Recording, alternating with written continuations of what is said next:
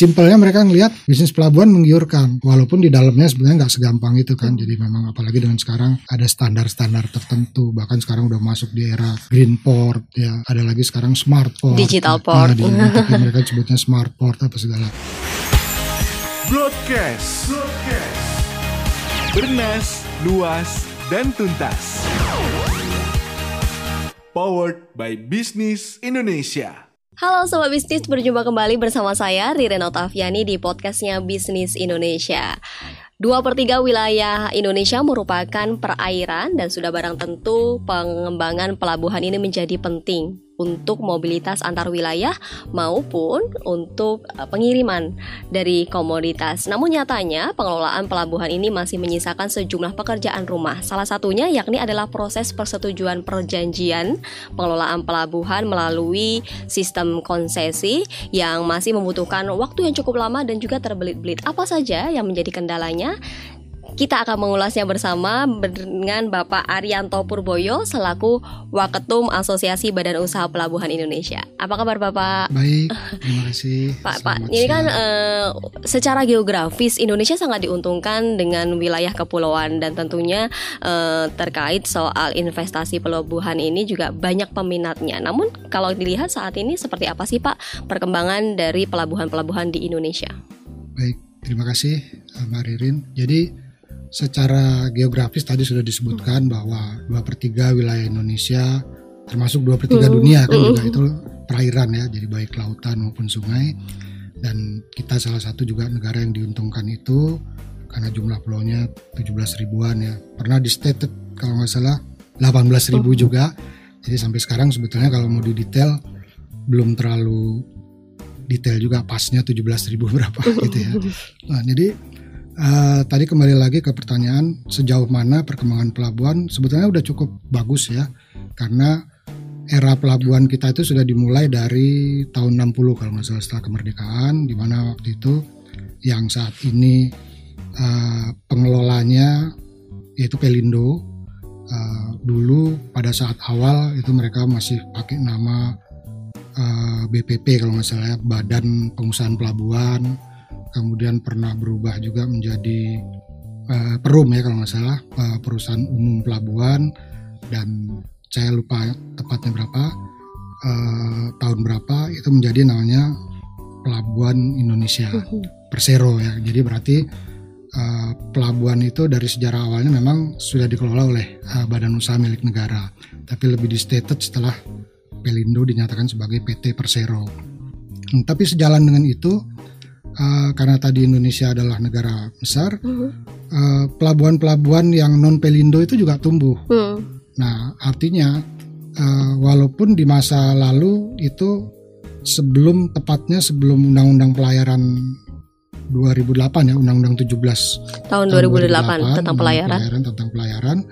Nah, di situ memang mungkin masih kecampur ya antara yang di daerah, kemudian yang di pusat atau apa uh, dan pelabuhannya kecil-kecil karena ya tadi karena memang sebetulnya udah tumbuh dari dulu gitu. Nah mulai ditertibkan setelah keluar Undang-Undang 17 nomor 2000 eh, tahun 2008 di situ juga dijelaskan bahwa sudah harus mulai ada pemisahan antara regulator dan operator. Hmm. Jadi pada saat itu sebelum tahun 2008 Pelindo yang tadi kita sebutkan yang dari berawal dari BPP itu dia regulator merangkap juga sebagai operator ya jadi dia juga yang bikin aturan bikin apa. kemudian dia juga yang mengoperasikan pelabuhannya. Oh. nah semenjak itu kemudian dipisahkan.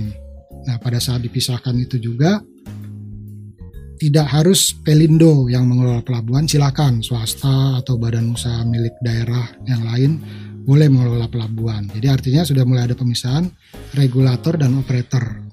Jadi Pelindo pun sebetulnya sudah jadi operator saat itu. Sudah tidak tidak jadi satu cuman mungkin sekian tahun masih ada transisi jadi begitu undang-undang keluar 2008 2009 keluar peraturan pemerintahnya PP uh -uh. 61 2009 kemudian uh, tahun demi tahun mulai muncul Permen Hub yang lebih detail lagi. Uh. Nah, khusus konsesi itu keluar Permen Hub nomor 15 tahun 2015. Itu yang lebih memperjelas karena di situ udah mulai detail uh, apa syarat konsesi, Hmm, kemudian oke. berapa lama nanti Hmm. masa konsesinya itu sudah mulai Oke, detail. sebelum kita masuk konsesi, berarti saat ini pelabuhan-pelabuhan di Indonesia itu ada yang dikelola oleh eh, Pelindo, ada juga yang dikelola oleh swasta. swasta yang- dan dan mungkin tadi BUMD. BUMD ya, Pak. Kalau swasta kita sebutnya adalah Badan Usaha Pelabuhan, Ya, begitu ya, kan, ya. Pak. Nah, berbicara soal konsesi, sebenarnya seperti apa sih eh, untuk proses pengajuan konsesi sendiri? Yang berarti ke pelabuhan konsesi eh, konsesi ini diajukan oleh Badan Usaha Pelabuhan. Betul, Hmm. betul. Jadi Diajukan ke mana dan bagaimana prosesnya, Pak? Oke. Jadi termasuk tadi sebenarnya Pelindo begitu keluar undang-undangnya itu dalam waktu tiga tahun Mhm. mereka harus ngikutin apa yang disebut dalam aturan itu. Jadi begitu keluar 2008 di situ sudah ada dikasih jangka waktu dalam waktu tiga tahun semua harus ikut dengan aturan itu. Nah walaupun akhirnya terlambat, jadi Pelindo pun waktu itu harus melakukan perjanjian konsesi Mhm. Dengan dengan pemerintah Hmm. karena kalau dulunya mereka jadi satu kan apa walaupun bukan perhubungan laut ya jadi bahasanya regulator regulator yang mengatur Mhm. tapi dia sekaligus operator Mhm. nah semenjak itu mereka hanya boleh operator Mhm. jadi aturan dan apanya itu uh, dibikin oleh pemerintah. pemerintah Pemerintah di sini adalah Kementerian Perhubungan. Kementerian Perhubungan CQ Direktorat Jenderal Perhubungan Laut karena kalau perhubungan kan ada udara iya, ada udara, laut, ada kereta, ya. jadi lebih ke Laut ya, Pak ya. Di sini Direktorat Jenderal Perhubungan Laut. Nah, di situlah diatur segala hal. Keluarlah Permen 15, kemudian beberapa permen lagi, bukan cuma konsesi, tapi penyelenggaraannya seperti apa. Banyak aturan turunannya Nah, terus kemudian. keluar lagi apa aturan untuk eh, jadi di luar pelabuhan ada namanya terminal ya. Terminal itu bagian dari pelabuhan yang awalnya dulu dikelola oleh industri. Hmm. Jadi contoh industri perkebunan, eh, kelapa sawit ya, kemudian apa eh, migas kan waktu itu banyak apa eh, perusahaan-perusahaan migas yang datang ke Indonesia.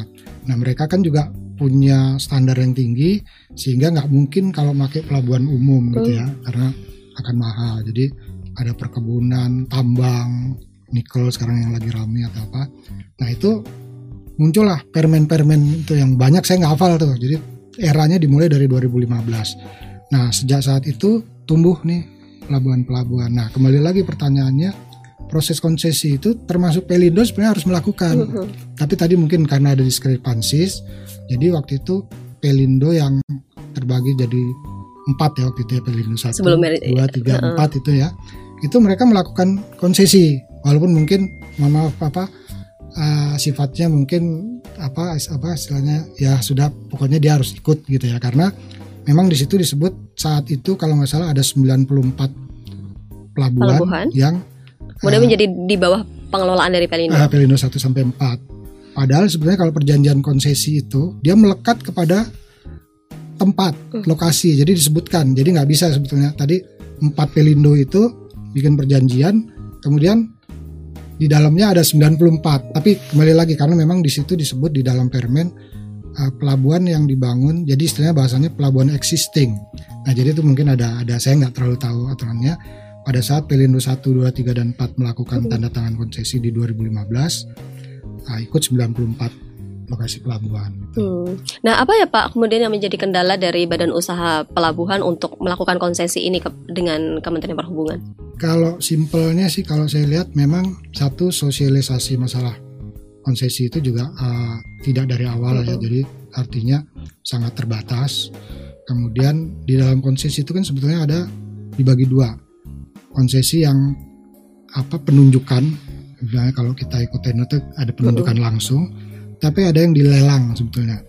Nah dari awal 2015 keluar permen itu lelang itu sebenarnya nggak hampir nggak pernah jadi pemerintah juga nggak pernah ngundang untuk ini mau ada pelabuhan ini lokasi pelabuhan melelang itu enggak. Jadi sifatnya mereka menunjuk. Nah untuk apa supaya bisa ditunjuk atau apa badan usaha yang minat tadi karena udah dibuka tadi kan ininya itu dia bisa mengajukan namanya pemerakarsa. Jadi badan usaha badan usaha itu dia memprakarsai oh saya mau mengelola pelabuhan di Sumatera, di Kalimantan, di apa. Nah, itu yang tadi dia mengajukan tadi apa Konsesi. eh, persyaratan untuk konsesi. Mm-mm. Jadi bahasanya itu kalau sekarang sudah disempurnakan, mereka mengajukan satu kajian yang disebut kajian kelayakan konsesi. Hmm. Nah, jadi nanti layak apa enggaknya tempat itu itu ada perhitungan ada karena ada syarat ya apa yang diajukan jadi kayak kita project apa pun lah umum kan kita ngajukan project ke bank atau apa nah kita ajukan kan nanti di situ ada perhitungan apa bank kan akan bilang oh, ini nggak layak nih teman nah sama pemerintah juga melakukan itu untuk melakukan proses dari nah, konsesi nah itu yang tadi saya bilang sosialisasi masalah persyaratan dari konsesi ini belum sepenuhnya kemudian diinformasikan kepada badan diinformasikan Hmm. tapi dari awal tidak selengkap yang sekarang. Hmm. Jadi memang ada tahapan karena permen-permennya akhirnya sekian tahun ada perubahan, sekian tahun ada perubahan lagi, termasuk syarat-syarat ada yang dikurangi karena yang di awal juga dulu syaratnya cukup berat. Jadi badan usaha yang ingin konsesi pelabuhan kalau nggak salah waktu itu. Dan ada permennya. Minimal harus punya modal di setor ya, bukan modal dasar ya, modal di setor itu eh, satu triliun. Nah itu yang tadi saya bilang hanya perusahaan besar yang bisa melakukan itu kan apa punya ini satu triliun gitu itu Oke, Pak kalau eh, pelabuhan yang kemudian saat ini dikelola oleh eh, PT Pelindo sendiri ada Hmm. sekitar 126. saat ini kalau kita lihat di company profile-nya mereka mereka declare ada 126 Oke, nah kalau eh, badan usaha pelabuhan sendiri mengelola berapa pelabuhan Pak di Indonesia ini? jadi umumnya kita kan karena tadi dimulai dari badan usaha dulu kan syaratnya harus punya izin badan usaha pelabuhan nah kemudian setelah izinnya lengkap SDM-nya ada punya mungkin aset walaupun masih sedikit apa baru mengajukan tadi kan kajian kelayakan konsesinya. Nah itu tadi mereka umumnya dimulai dari satu satu satu pelabuhan. Hmm. Jadi sampai sekarang pun dari mulai 2015 dulu eh, itu hampir majornya satu badan usaha pelabuhan tuh hanya mengelola satu paling banyak dua atau tiga pelabuhan aja gitu. Oke, dari eh, anggota dari Abupi sendiri sudah semua perusahaan ini mendapatkan konsesi izin konsesi dari Belum. oh belum. Jadi di anggota kami sekitar 80-an. Jadi di akhir tahun kemarin kita update 83 atau 84 anggota. Itu mungkin baru separuh lah yang Hmm. yang nggak sampai mungkin separuh. Karena di catatan kami anggota kami yang sudah dapat izin konsesi itu eh, 20 21 21 badan usaha pelabuhan dari 80 anggota ya kan berarti Oke. cuman 25 persen ya mungkin ya. Apa Pak kemudian yang menjadi alasan eh, belum mendapatkan konsesi? Nah, jadi mungkin gini, itu umum dan udah bertahun-tahun kita juga ada ketemu dengan Pelindo, apa sorry dengan Pemer- pemerintah, Kementerian ya, Perhubungan. Perhubungan dalam ini Direktur Jenderal Perhubungan Laut. Mereka juga melalui bahkan Abupi ikut membantu pemerintah melakukan sosialisasi itu. Memang yang pertama yang diberatkan oleh pengusaha pelabuhan biasanya penyerahan aset mereka setelah kan konsesi itu kan nanti setelah tadi kajiannya layak ketemu angka umpama contoh 30 tahun diberikan masa konsesi dengan perhitungan ini kan mereka juga harus bayar yang namanya fee konsesi itu Mm-mm. kan ditentukan tarifnya apa segala macam mereka hitung aset tapi di akhir katakanlah 30 40 atau 50 tahun apa yang tadi sudah dibangun oleh perusahaan si badan usaha Hmm. pelabuhan ini diserahkan kepada negara. negara Hmm. jadi sebenarnya hampir mirip juga dengan konsesi tambang atau apa ya. Cuman mungkin tambang tadi bedanya juga ada lahan yang mungkin tadi karena landlord dimiliki oleh pemerintah. Nah di awal itu bahkan sampai sekarang konsesi yang lelang tuh saya belum cek ya berapa yang karena pemerintah hanya baru dua undang lelang untuk Patimban pelabuhan umum ya sama pelabuhan Anggrek di Gorontalo. Nah, yang lainnya belum pernah mengundang lelang. Gitu. Jadi sifatnya penugasan atau penunjukan. Nah, penugasan atau penunjukan itu syaratnya ada. Bukan cuman investasinya apa? Nilai Ah. investasinya ditentukan gitu. Bukan ya itu pasti. Tapi maksudnya bukan cuman suprastruktur infrastruktur yang itu kan termasuk lahan. Hmm. Lahan itu harus lahan yang dimiliki dan dikuasai oleh si badan usaha pelabuhan. Jadi bukan lahannya pemerintah. Jadi kayak pemerintah nyipin lahan, silakan bangun atau apa nanti di- itu kan seperti BOT umpama contohnya. Nah itu lumrah di luar negeri seperti itu. Tapi di kita kebanyakan memang tadi yang dari 22 perusahaan itu itu eh, 21 ya 21 perusahaan itu badan usaha pelabuhan lahannya itu pun milik badan usaha pelabuhan. Nah, itu yang mereka pengusaha kita masih agak konservatif. Walaupun dalam perhitungannya kan sebetulnya tadi dapat konsesi 50 tahun, bahkan ada yang sampai 70 tahun.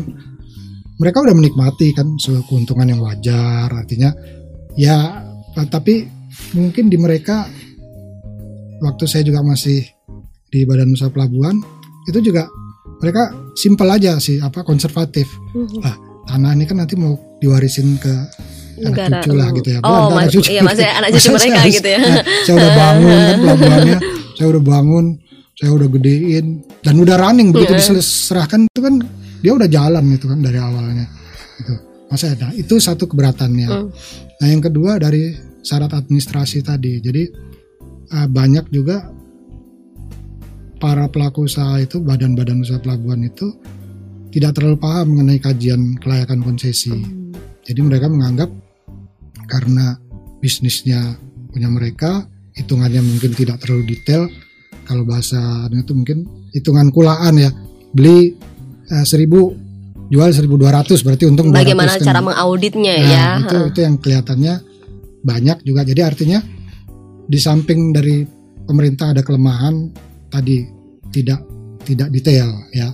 Terus kan ada jangka waktu tata kelola pengajuan konsesi itu baru PMPM terakhir itu disebutkan tata kelola waktunya berapa sehingga di awal-awal teman-teman sekitar ada 10 badan usaha pelabuhan yang di awal-awal dari 2015 16 sampai sekarang itu itu rata-rata masa mereka melalui melakukan proses masa konsesi itu 3 sampai 4 tahun. Hmm. Ada yang sampai lima tahun baru berhasil. Bahkan ada sekarang juga yang salah satu anggota kita yang sudah tujuh tahun Belum berhasil. juga mendapatkan tapi gitu ya, karena Pak? masalah tanah. Hmm. atau- Pak dari jangka waktu yang kemudian tadi disebutkan ada 4, 5 bahkan 5 Hmm. eh, untuk mendapatkan konsesi tersebut kemudian menghambat dari proses eh, kegiatan di pelabuhan sendiri nggak sih Pak? Rata-rata kan kalau mereka yang mengajukan konsesi sebagai pemrakarsa, dia belum berbisnis Hmm. di situ. Artinya dia mungkin punya entitas bisnis yang lain, dia mau pengembangan. Hmm. gitu. Jadi artinya memang empat tiga empat tahun ya itu prosesnya sih rugi terus gitu loh. Cuman kan dia mungkin di di badan usaha yang lain ya tadi yang yang mensupport. Jadi memang ya memang beberapa juga bertanya, loh gimana bisa bertahan? Ada yang sampai lima tahun, enam tahun. Iya. Berarti karena yang yang apa investasi yang dilakukan itu sebenarnya istilahnya dari kantong yang lain Mhm. gitu loh. Nah itu sehingga makanya mereka begitu gigihnya sampai berhasil empat tahun lima tahun tuh eh, salut juga kita gitu loh kepada mereka gitu. Pak sebelum saya akan menanyakan seberapa besar minat investasi di pelabuhan ini, saya ingin menanyakan terkait soal kegiatan dari pelabuhan badan usaha ini jika di bukan dibandingkan ya, tapi Hmm. apakah cukup berbeda dengan eh, kegiatan pelabuhan yang dilakukan oleh Pelindo? Sebetulnya pelabuhan itu kan umumnya sama ya Mm-mm. semua Kalau pelabuhan itu adalah satu tempat atau lokasi yang dibatasi oleh batas tertentu baik eh, di perairan maupun di daratannya. Kemudian di situ dilakukan apa kegiatan apa eh, pelayanan jasa kapal, barang sama penumpang orang ya. Jadi ada kayak contohnya kapal pesiar, kapal-kapal Mm-mm. passenger itu kan. Jadi barang, penumpang sama eh, orang. Hampir sebenarnya eh, perbedaannya nggak nggak Hmm, ada karena kegiatannya hanya signifikan, itu. Cuman yang membedakan itu kalau di kita apa cluster ya kita nyebutnya cluster. Jadi Pelindo lebih konsentrasi di peti kemas Mhm. karena pada saat tumbuhnya apa Pelindo di tahun 2000-an awal itu ya atau di bukan bahkan sebelum tahun tahun 90-an itu seluruh dunia waktu itu memang mulai apa eh, era angkutan barang itu dengan peti kemas karena itu dianggap eh, efisien eh, terus kemudian praktis biaya juga mungkin lebih murah banyak lah sehingga. Aman juga gitu dan ya. sampai sekarang memang perkembangan peti kemas itu nggak bisa kita hindari Pungkiri ya, Nah, karena dia jadi namanya sekarang kan eh, angkutan apa antar moda ya. Jadi dia bisa pindah dari satu tempat ke tempat lain tanpa membongkar. ah, membongkar. Nah itu kelebihannya. Jadi Pelindo lebih konsentrasi di peti kemas. Nah yang non Pelindo mengambil posisi yang lain yang non peti kemas bisa curah cair curah kering dominan di Indonesia juga dan multipurpose multipurpose itu yang tadi antar pulau itu juga masih karena volumenya kecil jadi dia kadang nggak perlu peti kemas bahkan untuk tol laut itu di awal karena banyak ke ter, ter- apa terluar atau apa Mm-mm. 3T ya Pak ya? tinggal 3T apa segala itu diciptakanlah peti-peti kemas yang kecil-kecil Ah, iya ya, Nah, ukuran yang kecil ya. Nah, ha. karena dia supaya bisa masuk tadi karena konsepnya kan konsep apa antar moda ya. Jadi nggak lagi nanti barang nyicil berhari-hari datang terus dimasukin atau dikarungin lagi di dalam pelabuhan menciptakan apa kumuh traffic apa segala yang nggak bagus. Jadi pelindo lebih di peti kemas dominan itu. Kemudian yang non pelindo itu yang non peti kemas. Baik curah cair curah kering kemudian kita sebut lagi multipurpose gitu. Pak bicara soal investasi, bagaimana minat uh, investor di pelabuhan ini sih Pak, pelabuhan Indonesia? biar cukup besar ya karena mungkin awalnya mereka kan lihat tumbuhnya pelindo ya wah enak ya jadi apa pengelola Mm-mm. pelabuhan gitu kan kita apalagi orang-orang lama dulu ngeliat dulu pelindo ini lahannya cuma sekian kok sekarang jadi besar dengan peti kemas segala macam artinya simpelnya mereka ngelihat bisnis pelabuhan menggiurkan walaupun di dalamnya sebenarnya nggak segampang itu kan jadi memang apalagi dengan sekarang ada standar-standar tertentu bahkan sekarang udah masuk di era green port ya. Ada lagi sekarang smart port. Digital Nah, port. di- tapi mereka sebutnya smart port apa segala. Jadi minatnya besar. Tapi tadi karena uh, knowledge-nya itu yang mereka belum kuasai semua sehingga mereka menganggap loh saya kan udah punya badan usahanya. Biarkanlah kami yang mengembangkan nah itu juga salah satu yang menghambat proses lamanya proses konsesi Hmm. dari sisi pelakunya ya. Mhm. Jadi mereka berulang waktu di di assess ya ininya perhitungannya apa segala tidak sesuai dengan apa. Nah, walaupun di awal sebenarnya memang nggak ada juknisnya. Mereka cuma sebut pokoknya harus ada kajian kelayakan konsesi yang terdiri dari yang paling minimal kajian finansial, kemudian komersial kan gitu ya. Terus lingkungan tentunya kan karena pasti lingkungan itu kan apa amdal segala macam. Nah kalau yang sekarang udah jelas jadi untuk maju apa mengajukan kelayakannya dia apa bisa diterima itu memang ada tiga jadi kajian teknis Mm-mm. ya, teknisnya udah lebih di ini kan kemudian jadi ada aspek aspek teknis komersial dan finansial itu jadi satu kan memang tadi kemudian lingkungan juga sehingga menciptakan tadi yang green port apa segala seperti itu Oke, Nah, Pak berbicara soal eh, salah satu program dari Presiden Joko Widodo adalah program tol laut gitu Hmm, kan Pak. Ini kan memang eh, saat ini mungkin nyasarnya masih pelabuhan-pelabuhan besar. Tapi kan juga akan ada pendukungnya gitu kan. Nah, Iya. ini apakah juga berpengaruh pada eh, badan usaha pelabuhan terkait program dari Presiden Jokowi? enggak sih jadi enggak pengaruh karena eh, tol laut itu sebenarnya yang lebih dikedepankan eh, alat angkutnya Mhm. Kemudian ada apa eh, apa namanya subsidi ya dari Mm. pemerintah karena tadi tol laut itu kan tujuannya mencapai yang terluar Tiga- 3T tertinggal kan gitu. gitu ya Dan satu harga ya. Ah, dan apa eh, memangkas perbedaan harga yang sampai ratusan persen dengan dengan di Jawa lah dalam hal ini kan bukan di pusat aja di Jawa. Nah jadi mereka lebih ke penyediaan kapal, kemudian untuk di daratnya eh, pelabuhannya kan sebenarnya udah ada dari dulu yang saya bilang. Jadi pemerintah sendiri sebagai apa eh, negara memang sudah hadir membangun ratusan pelabuhan. di seluruh Indonesia jumlahnya sampai 444 kalau nggak salah. Nah itu udah dibangun, pokoknya mau dipakai mau enggak. Beda dengan tadi swasta kan, Hmm. harus melalui kajian. Nah, pelabuhan ini sampai sekarang juga masih dikelola oleh pemerintah dalam hal ini perhubungan laut. Disebutnya pelabuhan yang belum diusahakan secara komersial. Non komersil Nah, gitu. nah, Pelindo hampir tidak hadir di situ Hmm. karena tadi skalanya kecil. eh, datang ada barang, pulang kadang-kadang mungkin apa cenderung kosong atau barangnya sedikit, mungkin orang malah yang lebih kadang banyak kan gitu. Nah itu bukan targetnya Pelindo, Pelindo. tadi. ya. Oh, Oke. Gitu. Tapi yang non komersial itu juga sampai sekarang eh, dilakukan pengelolaan dengan baik. cukup baik walaupun pemerintah sudah mulai ngos-ngosan karena jumlahnya 444 dan sesuai dengan undang-undang pemerintahan daerah ya, undang-undang 23 kalau nggak salah. Tahunnya malah udah lama 2014. Nanti mungkin bisa tolong cek. Itu pelabuhan-pelabuhan yang non komersial itu tadi yang jumlahnya 444 harusnya itu sudah diserahkan ke kabupaten atau kota. Oh, dikelola oleh daerah Nah, sesuai undang-undang apa undang-undang pemerintahan Mm-mm. daerah itu ya. Nah, di situ juga problem. Ada yang siap daerah, ada yang enggak karena bertahun-tahun, berpuluh-puluh tahun di, dikelola termasuk anggarannya oleh oleh pemerintah Mm-mm. kan.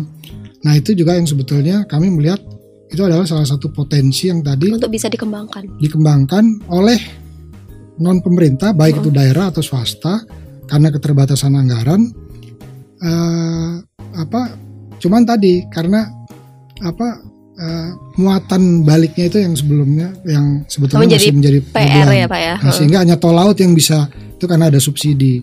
Nah itu yang sebetulnya saya sarankan juga kepada anggota-anggota ABUPI yang berat tadi masalah penyerahan asetnya kembali Hmm. atau apa karena sebetulnya untuk menjadi pelabuhan atau terminal umum itu bukan hanya konsesi syaratnya. Ada jadi dalam aturannya itu Jadi sekarang konsesi ini hanya salah satu uh, poin salah saja satu ya. poin. Tapi memang karena dulu pemerintah juga salahnya itu aja yang ditekan. Padahal bunyinya itu dia secara ini bunyinya itu aturannya konsesi dan kerjasama bentuk lainnya.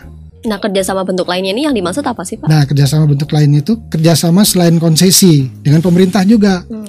Nah Contoh konkretnya adalah dia ada udah udah tertib Hmm. sekarang disebutkan satu ada yang namanya kerjasama pemanfaatan kemudian ada yang namanya kerjasama operasi.